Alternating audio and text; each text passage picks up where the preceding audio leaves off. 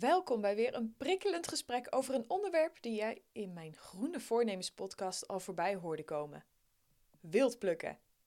Hiervoor ga ik het gesprek aan met de gepassioneerde Ilse Donker, een wildplukker en liefhebber op gebied van duurzaamheid en natuurverbinding.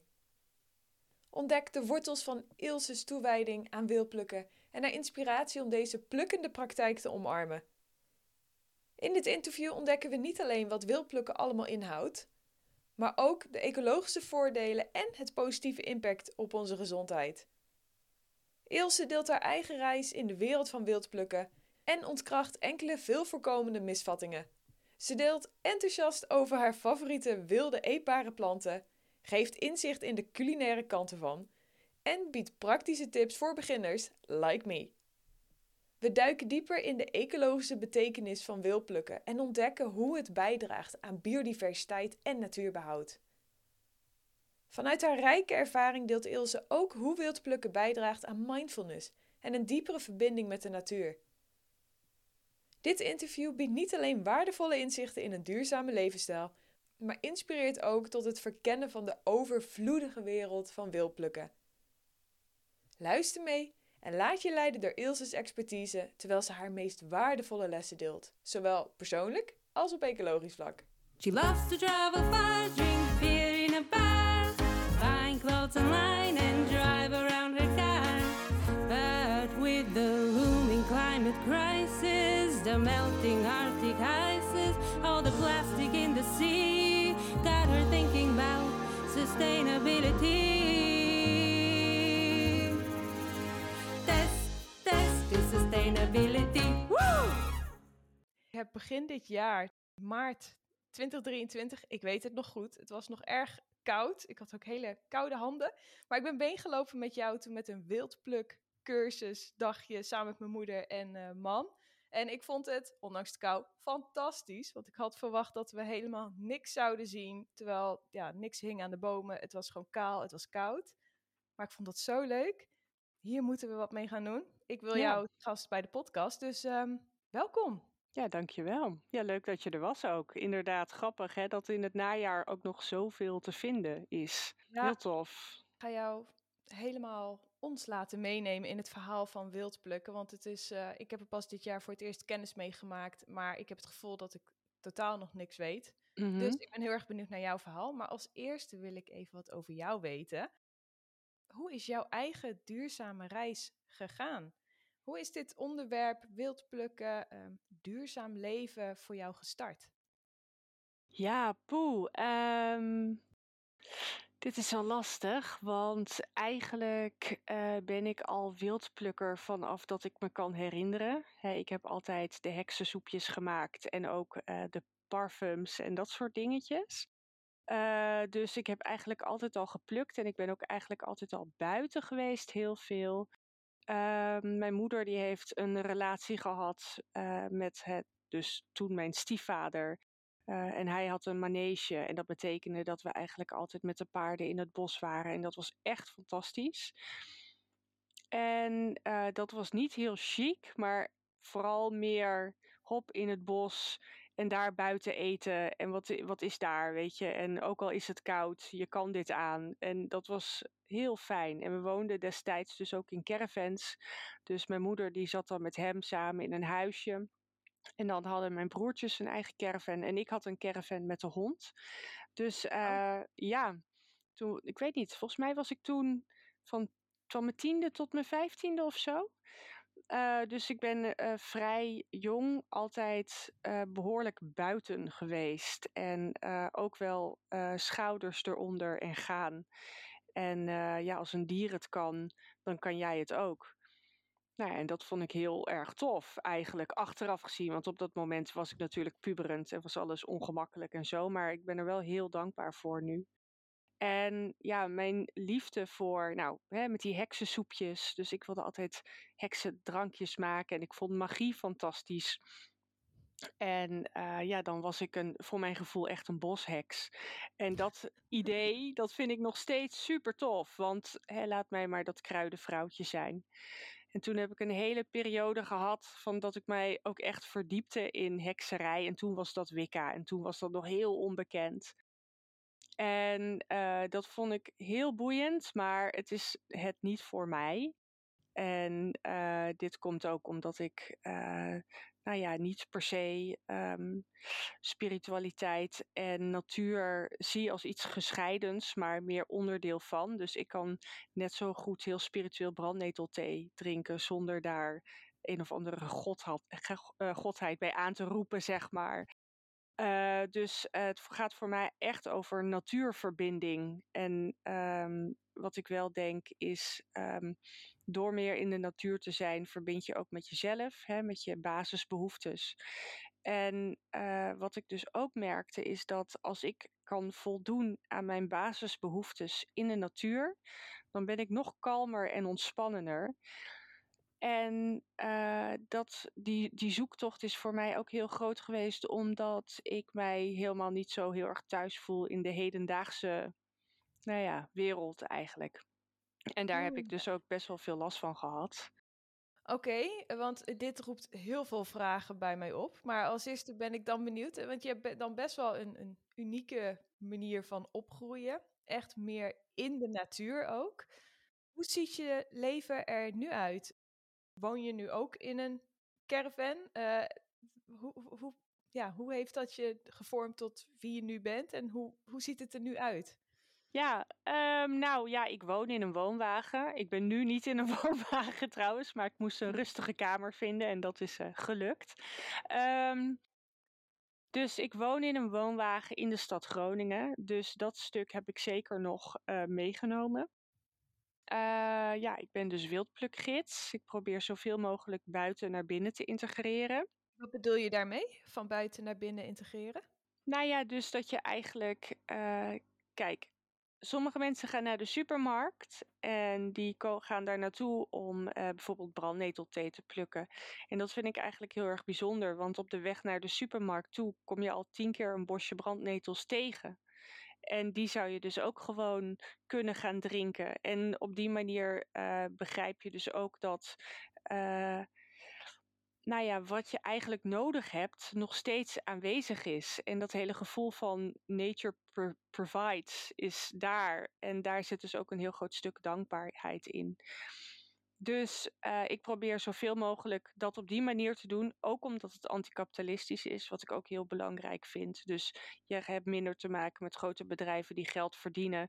Hè, en daarbij heel veel uh, ja, milieukosten maken en dat soort dingen. Hè. Weet je, je kan wel nou ja, brandnetelthee gaan kopen. Hè, om dat voorbeeld nog even aan te houden.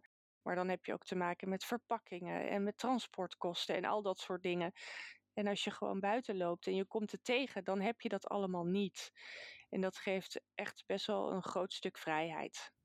Ja, en als ik ook kijk naar, we hadden het hier in het voorgesprek ook even over, ja, wat, is, wat betekent duurzaamheid nou eigenlijk? Nou, ja. dat, je kan daarmee alle kanten op gaan, maar eigenlijk als je het ook heel praktisch bekijkt, zeg jij al van wild plukken betekent eigenlijk ook uh, minder verpakkingen, minder plastic, minder, uh, meer natuur. Mm -hmm. uh, meer lokaal, want het Ja. komt letterlijk uit je omgeving. Dus dat zijn eigenlijk al best wel grote elementen als je het hebt over duurzame leven, een, een kleinere voetafdruk. Ja. Ehm, en draagt het ook bij aan gezondheid? Hoor je praten over heksendrankjes, brandnetelthee. ehm, tijdens onze wildplukcursus eh, kwam je ook met allemaal drankjes eh, naar voren waar ik nog Ja. nooit had gehoord. Zeker. heeft wildplukken ook voordelen op, eh, op gezondheid? Eh, ja, nou, er is nu op dit moment, of misschien hebben ze het net afgerond, maar er was dus een project gaande en dat heet het Wild Biome Project, of de Wild Biome Project. En eh, daar is een vrouw, eh, die, eh zij heet Mo Wild. Ze heeft een boek geschreven en zij heeft één jaar lang alleen op wildpluk geleefd. En ze zijn eruit gekomen dat zij daardoor veel meer gezondere bacteriën eh, in haar darmen had dan wij. Wij hebben eigenlijk gewoon een beetje van die lappe, eh, laffe supermarktbacteriën.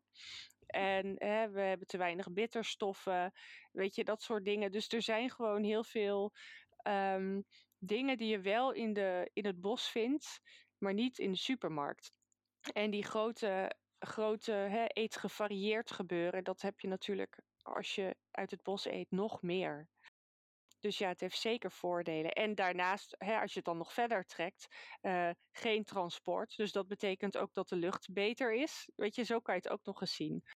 Ja. En nou ja, geen verpakking, dus minder verf of hè, minder vas of al die shit, hoe dat ook heet. eh, hoe dat heet, ja, sorry, excuse me.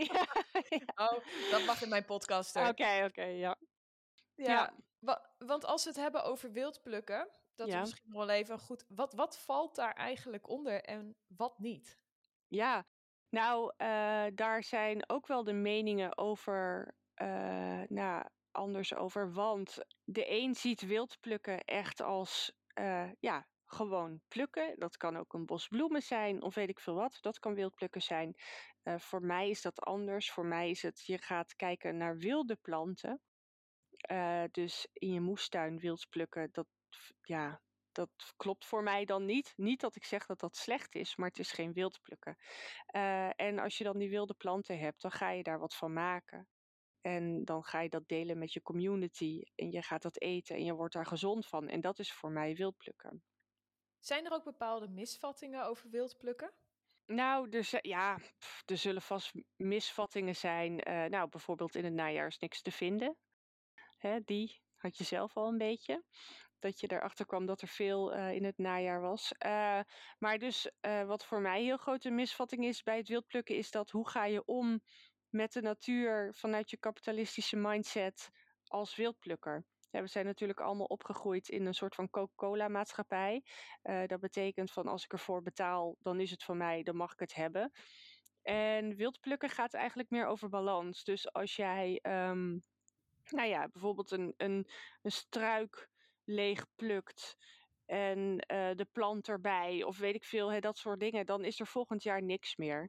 Dus het gaat er echt om, kan je eh, die balans in jezelf vinden om op een manier te plukken dat het ook bijdraagt aan de wereld. En dan hebben we het over die wederkerigheid. En daar ben ik dus zelf heel erg naar op zoek altijd.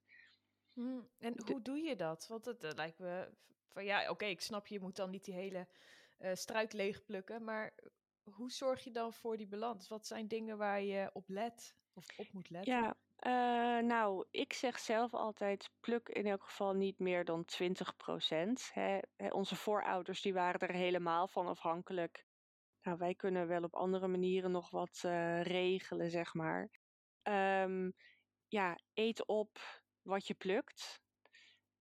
Wees dankbaar en deel het met anderen. En eh, op die manier, pluk nooit de eerste, pluk nooit de laatste.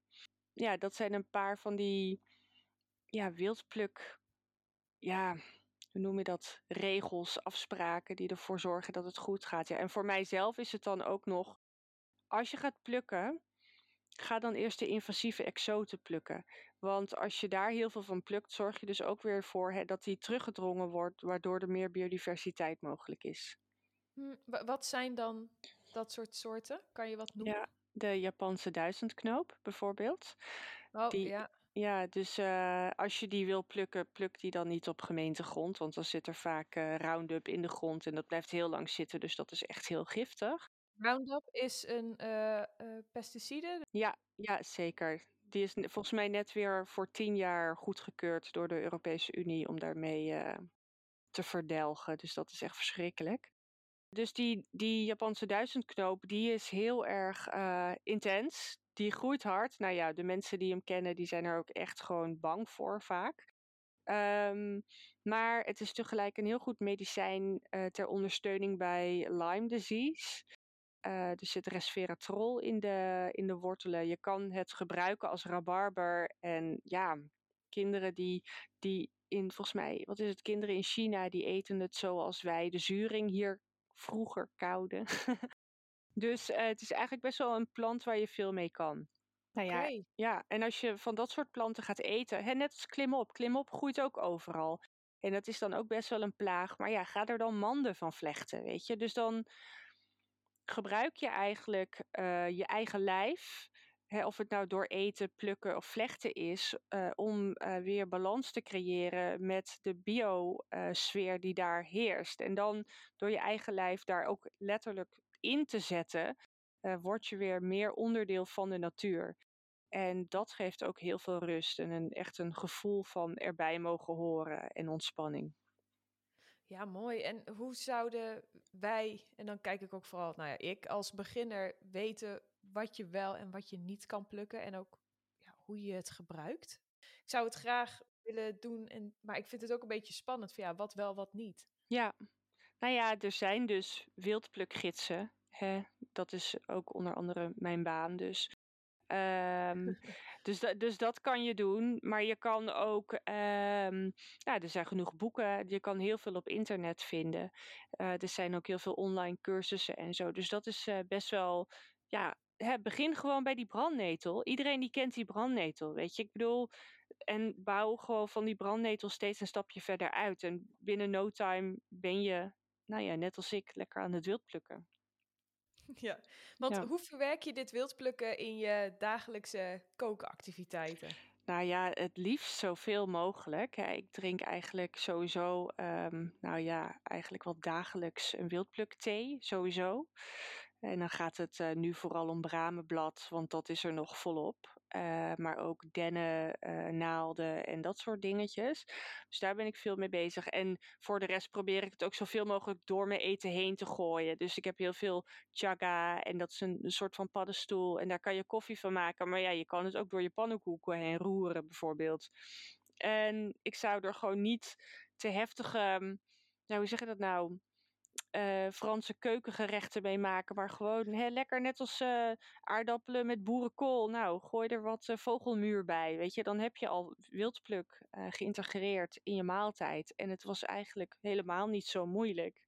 Ja, en jij woont dan in uh, Groningen, uh, ja. want heb je het dan over provincie Groningen of over de stad Groningen? Ja, ik woon in de stad Groningen. Dus ik woon op het Betonbos.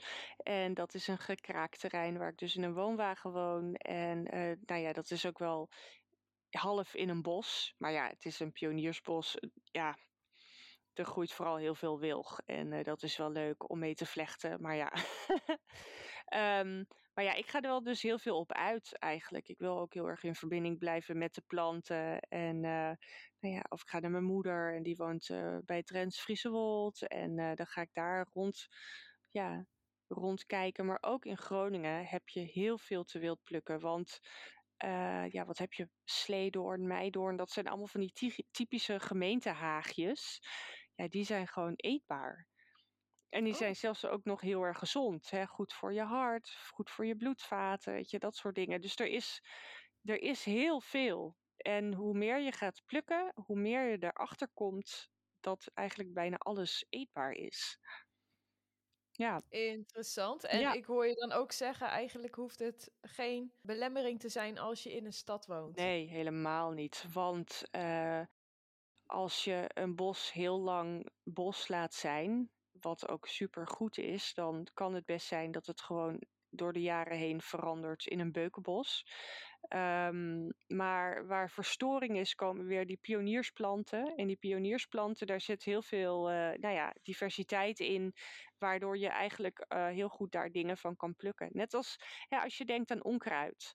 Dat is meestal wat je dan tegenkomt. Dus dat is dan paardenbloemen, vogelmuur, uh, veldkers, dat soort dingetjes. Groeit allemaal tussen je tegels. Maar het is gewoon super eetbaar en ontzettend gezond. Mm. Ja. Ja, heel interessant. Maar het eerste wat in me opkomt, uh, ik kijk dan nu naar mijn hele leuke hond Yuka. En dan denk ik, ja, die, uh, die vindt dat ook wel interessant. En die tilt gewoon zijn pootje op en die gaat er dan mm -hmm. overheen. Uh, hoe, hoe zorg je dat je wel de juiste keuze maakt? Want het lijkt me dat als een hond of uh, nou ja, een dronken persoon eroverheen plast. Ja. Dat het niet meer heel erg iets is dat je denkt, nou, hier ga ik een lekker theetje van maken. Nee, zeker niet. En daarom in de stad pluk ik ook wel wat hoger. Uh, ja, nee, echt wel. Want hè, dronken studenten en zo, dat is gewoon echt heel vies. Um, dus ik pluk vrij hoog. Er is op hoogte ook nog best wel veel te plukken. Um, vooral ook die struiken die ik net noemde. De meidoorn en uh, de sleedoorn bijvoorbeeld. Um, de appelbes heb je ook. Weet je, dat soort dingen. Dat, dat, en dat groeit nu ook allemaal nog. Ja. Dat kan je nu nog prima oogsten. Ja, en uh, Ja, met hondenplas. Ja, weet je, wat het, het is ook zo, hè, je kan het wassen. En de vraag is dus, wat is ranziger? Pesticiden of hè, urine? En Ja, je ja. denkt waarschijnlijk van, oh, pis, dat is echt ranzig. Ja, dat klopt. Eh, en ook vooral omdat ho- honden best wel wat parasieten bij zich kunnen hebben, hè, darmparasieten en zo. Eh, en vossen ook. Dus dat is ook nog. ehm, dat zijn dingen om rekening mee te houden. Maar je kan dat soort dingen wassen. En als je het dan ook nog eens kookt, bijvoorbeeld als je er een thee van maakt, dan is het eh, vrijwel onschadelijk. Ja. ja En gewoon niet te veel doen, ja. Nee. nee, maak er niet een, eh, een basisreceptje van, Nee. inderdaad. Nee, klopt. Ik ben ook nu hè, onderdeel van het noorden. Maar zijn er volgens jou specifieke regio's en misschien ook seizoenen die gunstiger zijn voor wildplukken dan andere? Nou ja, het hangt er vanaf waar je van houdt. Hè. Eh, nu hebben we bijvoorbeeld heel erg de kastanjes en de eikels en de beukennootjes en dat soort dingen. Maar ook de meidoorn en de sleedoorn. Dus dat, ik hou hier heel erg van. Ehm, maar ja, in de zomer had je dan wel weer wat meer groen. En in de lente, dat is echt een saladetijd. Eh, dus alles heeft weer zijn eigen ding. Nou ja, en in de winter kun je dan weer wat meer onder de grond gaan, kijken naar de wortels. Dus eigenlijk, eh, als je nagaat dat je voorouders eh, dit als enige keuze hadden. En natuurlijk eh, gingen zij wel mee met dieren in de seizoenen en gingen ze langs de kust. Ehm, dan weet je ook dat, dat, dat het gewoon mogelijk is om hiervan te leven. En nu is het hè, bijna een, een soort van, wauw, wat, wat goed dat dat kan. En ongelooflijk kan het me niet voorstellen. Ja, eigenlijk bizar, want hè, wij zijn natuurlijk het, het broedsel van onze voorouders die dat ook hebben gedaan. Dus het is bijna jammer dat we, dat we hun kunde vergeten zijn. Ja, en eigenlijk ook als we heel logisch kijken, ja, het is ook beter voor onze portemonnee als we ook een beetje van de natuur toevoegen. Niet alleen voor onze gezondheid, duurzaamheid, maar ja, ja, Ja, absoluut. Zeker is dat het. Zo, het. Het kan heel economisch zijn en dan zeggen heel veel mensen, ja, maar als iedereen nou gaat wildplukken, dan blijft er niks meer over in het bos. Maar ja, als iedereen gaat wildplukken, dan hebben we niet meer die hele heftige veeteelt nodig of die hele heftige andere agrarische dingen. En hè, dat, dat is nu bijna een politiek statement. Eh, zo bedoel ik het niet per se. Ehm, maar ik denk wel dat als je niet eh, jezelf zo afhankelijk maakt van de bio-industrie, eh, of het nou plant of dier is, eh, en je wat meer autonomie vindt in je eigen omgeving, is dat natuurlijk ook waar je aandacht naartoe gaat. En als je dus minder eh, hoeft uit te geven aan eten, heb je ook meer tijd om te gaan wildplukken. Dus dat is het ook nog. ja, precies. Ik vond het een mooie aanvulling hoor, politiek of niet. Ik ben het met je eens. Ja. hey, en wat zijn, ehm, want jij plukt al ehm, lang, je bent Ja. een ervaren plukker. Wat Ja. zijn voor jou de meest eh, verrassende of ongewone eetbare planten die jij hebt ontdekt? Ja, nou, het is eigenlijk elk jaar weer eh, anders. Dus hè, mijn, mijn ehm, ja, hoe zeg ik dat nou? Mijn vooruitgang in plukken, dat gaat ook nog steeds door. Hè? Ook omdat, nou, nu ben ik weer bezig met paddenstoelen bijvoorbeeld. Hè? En, je, en je plukt altijd op het moment wat er dan is. En soms mis je de boot. Dus ik had bijvoorbeeld dit jaar dat ik heel erg de vlierbessen gemist heb. En dat voelt ook wel een beetje als FOMO. Dus dan, ja, dat is echt intens. Want als je vlierbessen hebt, die zijn heel erg antiviraal. Nou ja, het koude seizoen komt eraan. Dus er komen veel virusjes. En we zitten allemaal binnen en we geven allemaal dingen door. Eh, dat is balen. Maar nu ik weet dat er ook heel veel antivirale eigenschappen in paddenstoelen zitten, word ik daar ontzettend blij van. En eh, dus eh, dit najaar heb ik weinig eekhoorntjesbrood geplukt, maar wel weer veel biefstukzwam, waar ik echt zo blij van word, want dat is echt een hele rare paddenstoel. Ehm, nou ja, ik heb nu op dit moment heel erg weinig ehm elfenbankjes gevonden. Eigenlijk nog niet. Dus eh, ik ben daar nog benieuwd naar of ik dat nog ga, ga vinden. Maar ehm, ja, met wat ben ik nog meer? Oh ja, met lisdodden. Ik heb heel veel met lisdodden gewerkt. Eh, ik heb de wortels nog niet per se gegeten, maar ik heb nu wel eh, de scheuten gehad. En ik heb van het stuifmeel heb ik bijvoorbeeld meel gemaakt. eh, en de bladeren gebruik ik dan om mandjes mee te vlechten. Dus dat was eigenlijk wel van dit jaar wel Hey, de grootste Creatief, vondst. Ja, ik nou ja. er echt een beetje te kijken. Dat ik denk, wauw, Listelde. Ja, als ik hier... ik woon hier dan langs het water. Ja. En ik zie inderdaad ook de listodden. En ik hoor het steeds meer terugkomen dat het nou ook wordt gebruikt voor, eh, nou ja, voor de bouw, hè, biobased bouwen. Dat listodden Mhm. ook steeds meer komt. Ehm, maar dat jij hem dan ook helemaal zo hebt, uit elkaar hebt gehaald en met al die elementen ook nog Ja. iets gemaakt. Ik vind dat wel echt eh, heel Ja. Ja, nou ja, die listodden. Kijk, eh, als je dan, want een van mijn andere baantjes is dan ook, hè, ik ben eh, vrijwilliger bij het Hunebedcentrum hè, als steentijdmens. Dus eh, door eh, de hele tijd vanuit die blik naar, naar de natuur te kijken, ga je ook kijken naar hoe je er op een andere manier mee om kan gaan. En nou ja, hè, dan, je kan wel gaan wildplukken, maar als je dat in een, met een plastic zak doet, ja, wat een onzin. Je kan net zo goed een mandje vlechten, bijvoorbeeld van lisdodden. En dan heb je dus een wildplukzakje waarmee je kan wildplukken die je al gewildplukt hebt. Dus dat is voor mij ja, heel tof om nog autonomer te worden van het systeem wat eigenlijk niet eh, de wereld beter maakt, maar vooral winst geeft aan mensen die al genoeg geld hebben. Ja. Dus als wij het gaan vertalen naar praktische Ja. tips. Oh, die moet ik Wat zou- geven? Ja, ja, ja, zeker. Dus hoe zou, ehm, ja, je- hoe kan je anderen inspireren om nou ja, deze hele wereld van wildplukken Mhm. te ontdekken en eh, ook te waarderen? Ja, nou ja. ehm, dat kan op verschillende manieren. Hè. Zoals je net al zei, van je kan met één plant aan de gang gaan en die eigenlijk helemaal binnenste buiten keren. Zoals dat ik nu dit jaar met de lisdodden heb gedaan. Dus die heb ik ook eigenlijk een heel jaar ja, gevolgd. Ehm, waardoor ik al die verschillende elementen kon zien en dus ook kon toepassen op verschillende manieren in mijn leven. Hè. Dus zowel eten als dat ik er materiaal van heb gemaakt, maar ook dat ik hè, door bezig te gaan met dat stuifmeel eh, en bijvoorbeeld als je listdodde eh de pluizen oogst, dan is dat een hele toffe tondel eh, waar, weer, waar je weer makkelijk vuurtjes mee kan maken als steentijdmens bijvoorbeeld. Ehm, maar op het moment dat je dat op een andere plek doet dan waar die listdodde staat, dan verspreid je ook weer de zaden. Dus dan ben je ook weer bezig in wederkerigheid. Dus eh, wat voor mij heel inspirerend is, is van wat, ehm, hoe kan ik een relatie aangaan met de plant? En dat gaat dus niet over het exploiteren van een plant, van ik heb dit no- nodig, dus ik neem het. Maar meer van, oké, ik neem wat van jou en ik geef wat van mij terug. En dat kan ik dan doen omdat ik verplaatsbaar ben, omdat ik twee benen heb en listelde niet. maar eh, op die manier kan ik dus wel eh, de listdodde op meer plekken brengen. Door het zaad te verspreiden bijvoorbeeld. Nou ja, dat soort dingen. En als het om praktische tips gaat, ja.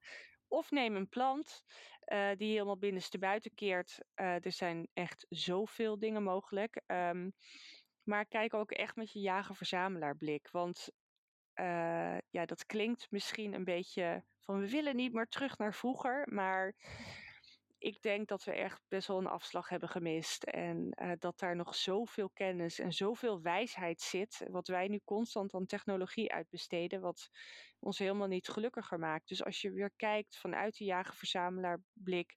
Kijk naar wat je nodig hebt. Kijk waar je gelukkig van wordt. En ehm, ga dan eens de natuur in. En kijk eens wat je behoeftes zijn. En hoe je die kan aanvullen in samenwerking met de natuur. En dat vind ik heel tof. Dus je hebt vitamines, mineralen nodig. Nou, hè, welke planten hebben dat? Bijvoorbeeld, eh, nou ja, die brandnetel zit heel veel ijzer in. Ja, hoe heet dat? Weegbree heeft bijna alle mineralen die een mens nodig heeft in zich. Weet je, dat groeit allemaal overal. En het is zo ehm, klaar om onderdeel te zijn van je leven. Want op het moment dat ik denk van wauw, die brandnetel, ik hou ervan, die is tof. Dan heb ik daar niet alleen iets aan, daar heeft de brandnetel ook iets aan. Want dan heb ik daar een relatie mee, dus ik wil het beschermen. Maar wat ook heel tof is, is dat het een waardplant is voor heel veel vlinders. Dus als ik ervan kan eten of de zaden ervan kan halen, dan kan de brandnetel, die wordt beschermd door mij. En tegelijk worden dan ook weer de vlinders beschermd door mij. En dan is dat eigenlijk alleen maar omdat dat vanuit mijn eigen eh, intrinsieke basisgevoel is. Maak ik al zo'n grote impact op verschillende levens. En ja, ik denk dat dat gewoon heel belangrijk is om op die manier eh, nou ja, hè, het leven te leven. Want anders is het allemaal zo nutteloos. Mooi. Eigenlijk. Ja. En als deze podcast live gaan, dan, ehm, dan zitten we in de winter. En we Ja. nemen het nu op in eh, november, nog een beetje herfst, eh, maar dan zit het in de winter. ja. Kan jij één plukreceptje delen wat wij dan in de winter kunnen gaan ontdekken en proberen? Liefst zo simpel mogelijk. Ja, precies. Nou ja, dan denk ik aan een thee. En als ik aan een thee denk in de winter, dan denk je natuurlijk aan wat is er nog groen in de winter. En in dit geval is dat de dennenboom. Hè, of de spar. Ehm, maar de dennenboom die heeft van die lange naalden. En dat is dan een hele veilige om mee te beginnen, want er is geen giftige die erop lijkt. Je hebt wel een giftige boom die lijkt op de spar, dat is de taxus. Onderzoek vooral je giftige planten, zodat je weet eh, dat, dat het daar niet op moet lijken. Eh, hoe je dit heel makkelijk kan determineren is zo. Je pakt de naalden van een den of van een spar. Je kneust ze, dus eigenlijk breek je ze een beetje door midden of je wrijft het tussen je vingers. Komt daar een sterke geur van af, dan zit je goed, want de taxus is namelijk geurloos. Hmm. Ehm, dus hè, neem een, een veldfles mee, een thermosfles vol heet water en ga het bos in. En ga op zoek naar een den. En pluk daar een handje naalden van. Doe het in je thee. Laat het 10 minuten zitten. En je hebt een heel gezond drankje. Leuk. Nou, die komt op mijn eh, to-do-lijstje te staan. Ja, Ehm, jij geeft ook wildpluk cursussen. klopt. Waar zouden we jou kunnen vinden? Ehm, ja, ilsedonker.nl. Maar ik ben vooral ook op Instagram veel bezig. En daar heet ik ilse.aarde.donker. Volgens mij. Ehm, ja, eh, maar ja, en eh, ik heb een verwilderwerkgroep. En dat is heel onregelmatig dat ik daar iets mee doe. Maar eh, ik doe het wanneer ik het leuk vind. En zo zou het leven volgens mij ook moeten zijn. En eh, de verwilderwerkgroep zendt uit door middel van een nieuwsbrief. En waar we nu met een groep mee bezig zijn, en dat is echt iets wat ik heel erg tof vind, is uh, ik geef sowieso heel veel skillsharings. En dat zijn eigenlijk bijeenkomsten waarbij mensen met elkaar, van elkaar, skills kunnen leren um, vanuit de natuur. Dus dan gaat het over hè, lisdoddeman, de vlechten, maar ook hoe kan je medicijnen maken van wilgebast? En uh, hoe kan je koken uit de natuur en wild plukken? Dus al die dingen die komen voorbij. En uh, ja, 20 januari is er daar weer eentje van. En dan gaan we ook bezig met vuur maken, met een vuurstaal en uh, frictievuur maken met een vuurboog. Koken, fire cider maken en al dat soort dingen. Dus ja, ik heb zoiets wild plukken is super tof. Het is echt een heel klein begin voor wat er allemaal nog meer mogelijk is. Ja, fantastisch. En uh, ik zet sowieso de informatie ook in de show notes. Dus als iemand dit ja, tof. Uh, wil opzoeken, dan uh, kunnen ze via die weg ook bij jou terechtkomen. Ja, leuk. En als laatste herinner ik me nog een app. En ik heb hem ook op mijn mobiel staan. Mm -hmm. Maar ik weet de naam niet meer. Jij had die toen geadviseerd waarmee je dan een foto kan maken en ja. identificeren wat het is. Ja, Hoe dat, heet die app? Ja, die app is echt verschrikkelijk om uit te spreken, vind ik. Het heet Obsidentify. En, oh, ja, dat was het Ja, heel lelijk. Uh, maar ja, hè, van observeren en identificeren, dat samen. En je krijgt Obsidentify. Ja, dat is een toffe. En dat is wel een van de manieren hoe je een begin kan maken met het identificeren en determineren van planten. Maar het is natuurlijk niet de enige manier. Want je moet in elk geval zorgen dat je minimaal, zeg ik dan, uh, drie bronnen hebt die uh, je plant verifiëren voordat je daar dat je dat in je mond steekt, zeg maar. Ja. Goed advies. En ook heel belangrijk voor mij, want ik was anders al veel te enthousiast uh, aan de haal gegaan. Ja. dus ben... Dankjewel. Ja. Ilse, dit is hem alweer. Ik wil je ontzettend bedanken voor uh, je wijsheid. En ik ga zeker nog een keer een, uh, een wildpluk, wildpluk cursus bij je volgen. Ja, leuk. Workshop. Mm -hmm. En dan dit keer in een ander seizoen, want ik ben weer benieuwd wat ik allemaal ga ontdekken. Ja. Maar um, sowieso even de dennennaalden thee proberen. Ja, heel goed. Ik ben benieuwd. Ja. Dankjewel. To sustainability. Wat is verduurzamen toch leuk, hè? Ik weet niet hoe het met jou zit, maar deze aflevering heeft weer voor die extra groene kriebel gezorgd bij mij. Duurzaam leven zonder gedoe, zo is het maar net. Heeft deze aflevering jou ook geïnspireerd? Deel dan de podcast met een vriend, vriendin, familielid, collega, een zeer geïnteresseerde hond. Alleen zo maken we samen de wereld een stukje beter. Vergeet ook niet deze podcast een sterretje te geven op Spotify en Apple Podcast. En nou ik toch bezig ben, volg mij ook op TikTok en Instagram voor nog meer inspiratie. Tot de volgende aflevering. Cheers!